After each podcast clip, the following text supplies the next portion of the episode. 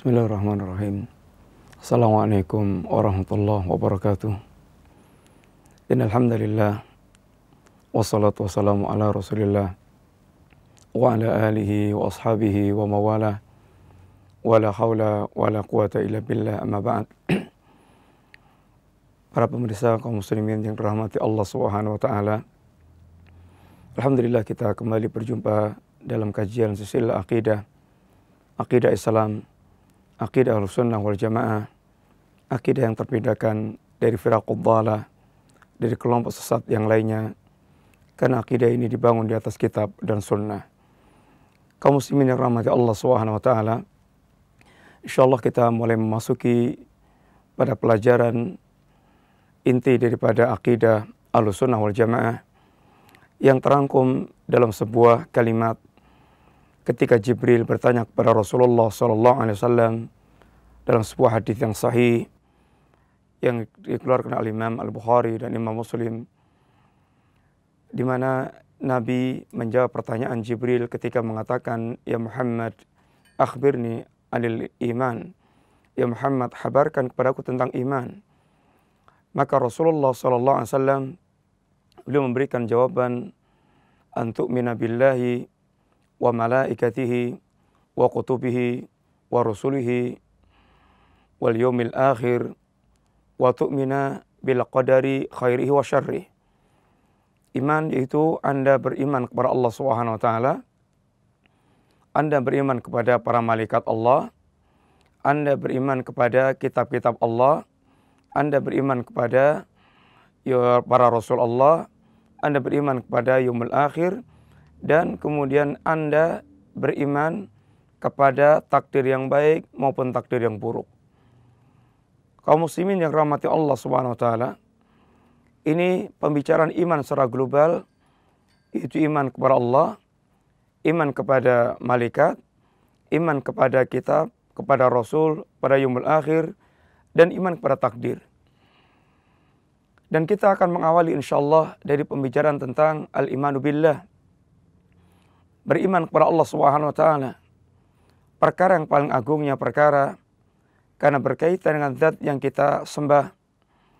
Berkaitan dengan zat yang wajib kita cintai di atas segala-galanya. Yang kehidupan kita semuanya dalam rangka untuk mengabdi kepada Allah Subhanahu wa taala. Maka tentu selayaknya seorang muslim dia mengenal Allah Subhanahu wa taala dengan pengenalan yang benar hingga sampai pada dia tingkat mentauhidkan Allah dengan tauhid yang benar. Para pemirsa yang dirahmati Allah Subhanahu wa taala berkaitan dengan al-imanu billah pembicaraan kita tentang tauhidullah ini bagaimana kita mentauhidkan Allah Subhanahu wa taala. Para ulama kita menjelaskan bahwa tauhid kepada Allah atau mentauhidkan Allah Subhanahu wa taala tidak akan seseorang dikatakan mentauhidkan Allah kecuali dia mengumpulkan tiga perkara tauhid. Yang pertama tauhidul rububiyah, yang kedua tauhidul uluhiyah, yang ketiga tauhidul asma wa sifat. Tauhidul rububiyah secara singkat adalah tauhid yang berbicara tentang af'alullah. Berbicara tentang perbuatan-perbuatan Allah taala. Sehingga sebagian para ulama kita mengatakan tauhidullah, tauhidur rububiyah ini tauhidullah dalam masalah Allah Al-Khaliq, Allah Ar-Raziq dan Allah ini al-mudabbir. Allah Subhanahu wa taala al-Khaliq yang menciptakan. Allah Subhanahu wa taala al-Malik yang merajai dan memiliki. Allah Subhanahu wa taala al-mudabbir yang mengurusi segala alam jagat raya. Dan dari sini kemudian berkembang terhadap semua perbuatan-perbuatan Allah Subhanahu wa taala. Al-muhyi al-mumit Allah yang menghidupkan, Allah yang mematikan, Allah ar-razik, Allah yang memberikan rezeki, Allah Subhanahu wa taala an-nafi ad Allah yang memberikan manfaat, menolak madarat dan seterusnya. Ini tauhid rububiyah. Adapun tauhidul uluhiyah ini tauhid yang berkaitan dengan af'alul ibad. Bagaimana para hamba mereka menjadikan semua amal ibadah mereka semata-mata tertuju kepada Allah Subhanahu wa taala tidak kepada yang lainnya. Tauhid ini sering pula dikatakan dengan tauhidul ibadah. Sehingga tauhidul uluhiyah sama dengan tauhidul ibadah. Apabila tauhidul uluhiyah berkaitan dengan zat Allah yang berhak untuk mendapatkan penghambaan dari para hamba. Karena Allah satu-satunya zat yang memiliki sifat uluhiyah ini sifat zat yang dengannya Allah berhak untuk disembah. Sedangkan tauhidul ibadah berkaitan dengan aktivitas para hamba di mana para hamba memiliki kewajiban untuk memberikan semua ibadah yang dia lakukan terhadap Allah Subhanahu wa taala. Adapun tauhidul asma wa sifat. Ini tauhid yang berkaitan dengan nama-nama dan sifat Allah Subhanahu wa taala.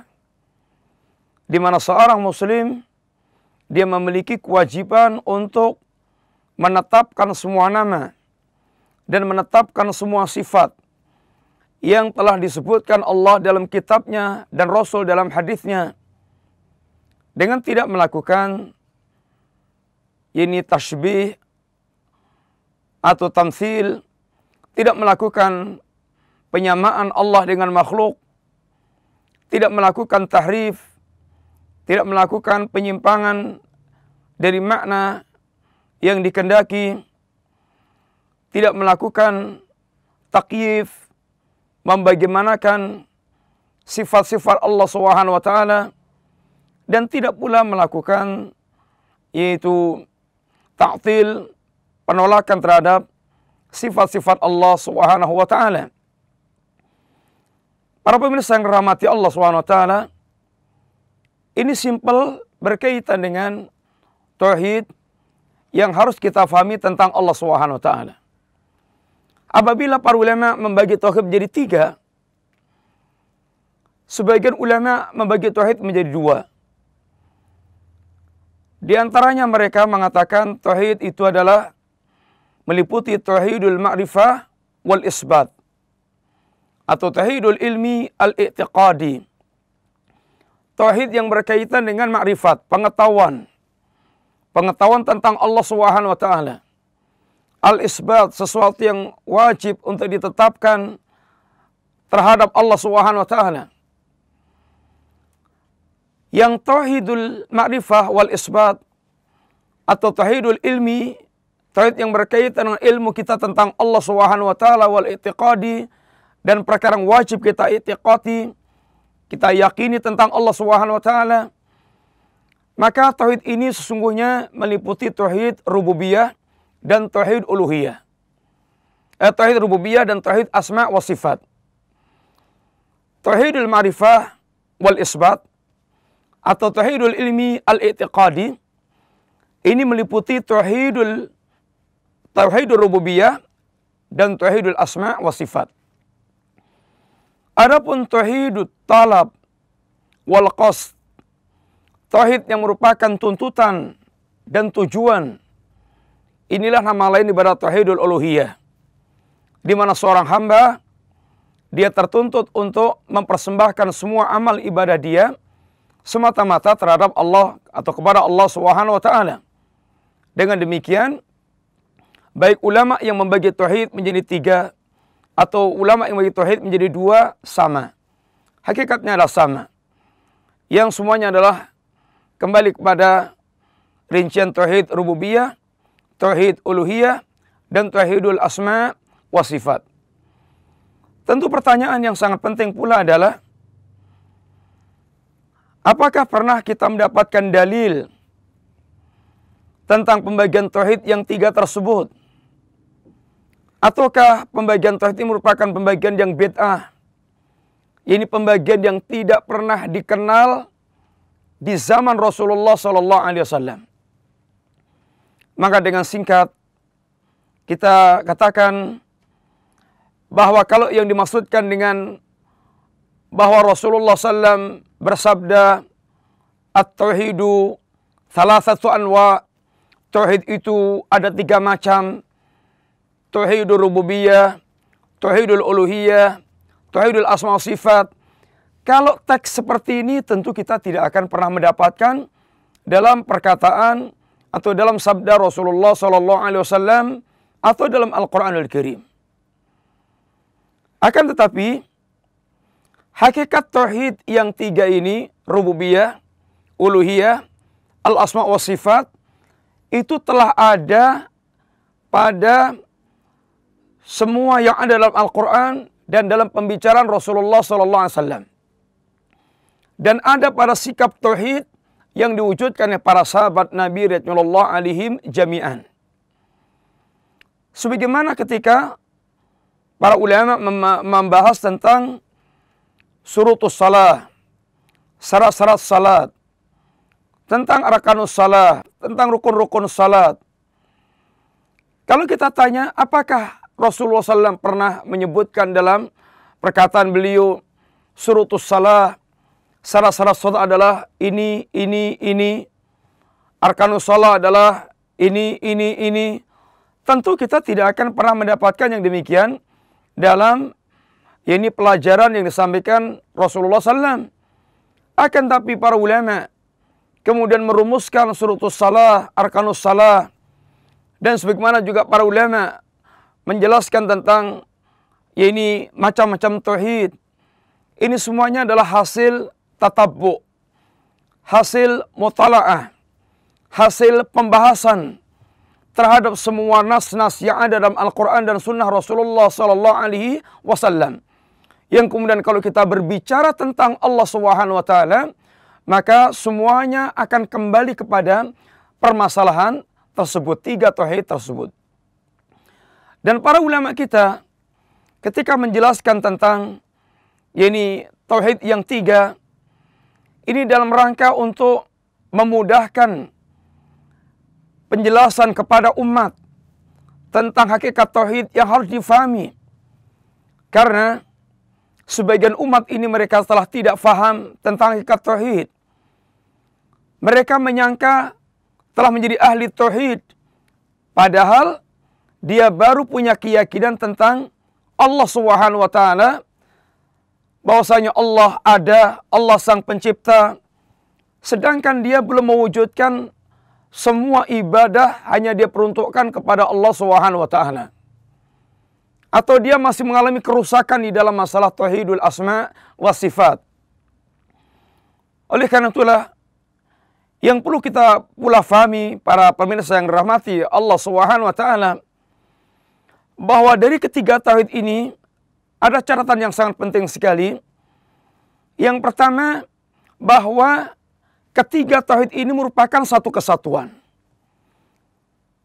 Perkara yang saling melazimkan. Yang tidak bisa dipisah-pisahkan.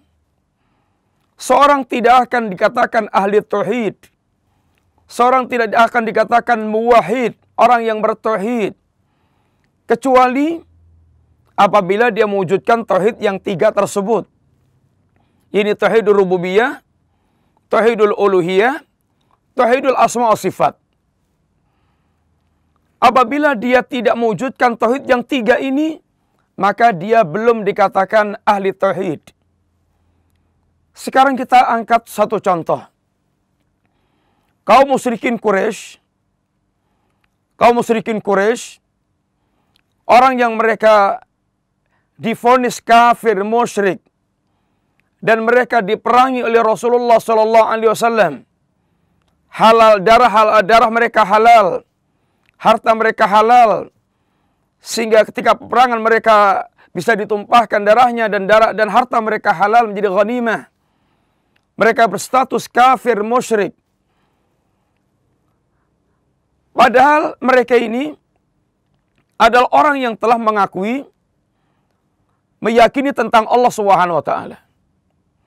Orang-orang kafir musyrik bukan orang ateis Bukan orang yang mereka tidak meyakini tentang Allah Subhanahu wa taala. Orang kafir musyrik adalah orang yang mereka, orang musyrikin Quraisy dalam hal ini, orang sangat meyakini Allah Subhanahu wa taala. Lihatlah satu peristiwa yang insya Allah kita telah faham semuanya ketika Abraha akan menyerang Ka'bah. Apa tindakan Quraisy pada saat itu? Yang pemimpinnya adalah Abdullah bin Abdul Muttalib, kakek Rasulullah Sallallahu Alaihi Wasallam. Maka ketika Abdul Muttalib dipanggil oleh Abraha dan ditanya dan dan, Abraha berkata kepada Abdul Muttalib, maka Abdul Muttalib di antara perkataannya adalah kembalikan unta-unta itu kepada kami. Kami adalah Rabbul Ibil, kami adalah tuannya para unta. Pemilik unta. Adapun Ka'bah ini ada pemiliknya sendiri. Yaitu Allah Subhanahu wa taala. Dengan demikian betapa sangat kuatnya keyakinan mereka tentang Allah Subhanahu wa taala. Demikian juga bagaimana mereka sudah sangat mengenal istilah Allah, nama Allah. Ketika perjanjian Hudaybiyah Rasulullah sallallahu alaihi wasallam menulis kalimat bismillahirrahmanirrahim kemudian oleh perwakilan Quraisy dalam hal ini adalah Suhail maka dia mengatakan tidak mau menerima kalimat Bismillahirrahmanirrahim, kami tidak mengenal Ar-Rahman Ar-Rahim. Kalau mau silahkan tulis Bismillahi Allahumma. Bismillahi Allahumma. Mereka mengenal Allah Subhanahu wa taala. Walaupun tidak mengenal Ar-Rahman Ar-Rahim. Demikian juga bagaimana orang-orang Quraisy dalam hal yang lainnya yang menunjukkan mereka sangat mengenal Allah. Ini dari sisi sejarah, realitas, kenyataan kehidupan mereka mereka sangat mengenal Allah Subhanahu wa taala. Dari sisi bagaimana orang Quraisy bagaimana ayat Al-Qur'an berbicara tentang orang-orang musyrikin. Allah Subhanahu wa taala katakan wala in man khalaqas samawati wal arda la yaquluna Allah. Ya Rasulullah sallallahu alaihi wasallam seandainya Anda tanyakan kepada mereka orang-orang Quraisy siapakah yang menciptakan langit dan bumi? tentu mereka akan mengatakan Allah Subhanahu wa taala. Wa idza sa'alta man khalaqahu man khalaqahum la yaquluna Allah. Kalau Anda tanyakan pada mereka siapa yang menciptakan mereka semuanya, mereka akan mengatakan Allah. Sebagaimana pula Allah katakan, "Qul may yarzuqukum minas sama'i wal ard." Amma yamliku sam'a wal absar. Wa may yukhrijul hayya minal mayyit wa may yukhrijul mayyit minal hayyi wa may yudabbirul amra fasayaquluna Allah qul afala tattaqun Siapakah yang mendatangkan rezeki dari langit dan dari bumi? Siapakah yang menguasai pendengaran dan penglihatan? Siapa pula yang mengeluarkan yang hidup dari yang mati, yang mati dari yang hidup? Siapa pula yang mengatur semua urusan kehidupan? Mereka pasti akan mengatakan Allah, saya kulun Allah, mereka pasti akan mengatakan Allah. Kul afala tatakun, kalau begitu kenapa kalian tidak bertakwa kepada Allah Subhanahu wa taala? Sehingga ini menunjukkan bahwa orang-orang yang mereka, orang-orang Quraisy, mereka mengetahui dan mereka mengenal Allah Subhanahu wa taala, meyakini tentang rububiyah Allah, tentang perbuatan Allah Subhanahu wa taala. Akan tetapi keyakinan mereka terhadap Allah seperti ini, belumlah mereka menjadikan ahli tauhid. Belumlah mereka dikatakan orang yang telah muslim dengan keyakinannya tersebut. Maka para ulama mengatakan tentang rangka tentang tauhid rububiyah ini ini tauhid alladhi yuqirru al-kuffar ala zamani Rasulullah SAW.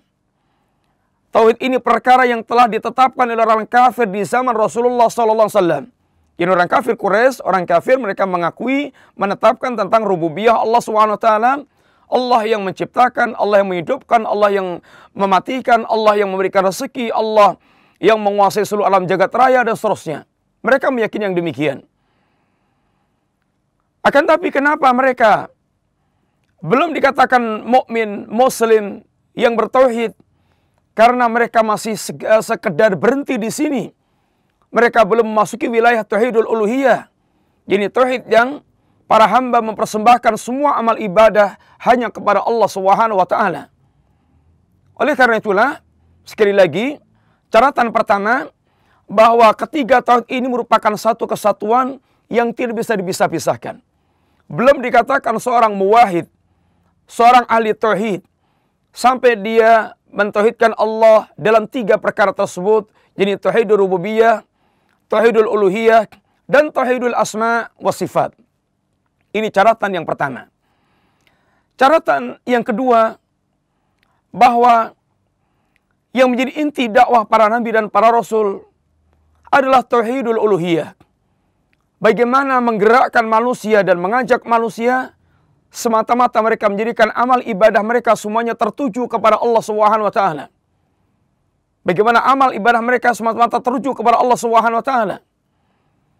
Sehingga semua nabi dari awal sampai akhir dari Nabiullah Nuh sampai Nabiullah Muhammad sallallahu alaihi wasallam mereka semua tema dakwahnya yang sama adalah mengajak kepada mereka untuk menegakkan tauhidul uluhiyah.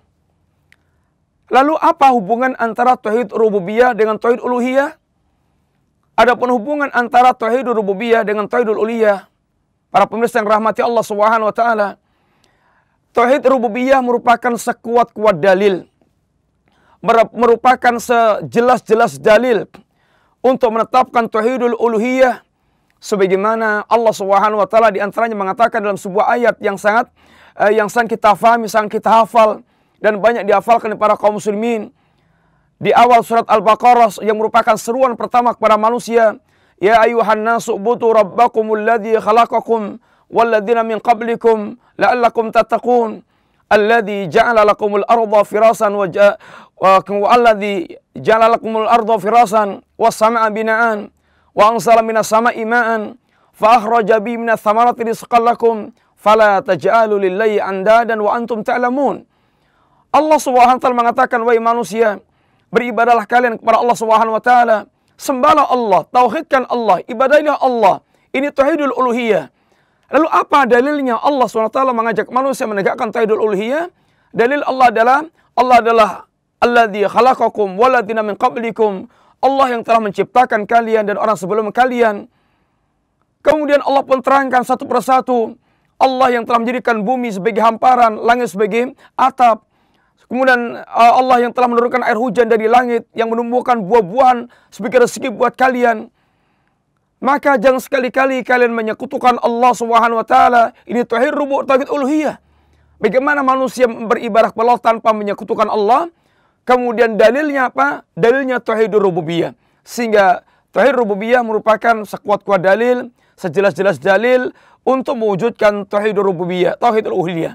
Demikian secara singkat pembicaraan kita tentang ini pembahasan tauhid yang tiga yang merupakan satu kesatuan tauhid yang orang tidak akan dikatakan muwahid kecuali apabila dia mewujudkan tauhid yang tiga tersebut. Mudah-mudahan Allah Subhanahu wa taala menjadikan kita di antara ahli tauhid dan orang yang dibersihkan dari kesyirikan sehingga kita kembali ke Allah dalam keadaan sebagai seorang muwahhid yang diterima tauhid kita oleh Allah Subhanahu wa taala. Mudah-mudahan bermanfaat. Wassallallahu ala nabiyyina Muhammadin wa ala alihi wa wasallam. Assalamualaikum warahmatullahi wabarakatuh.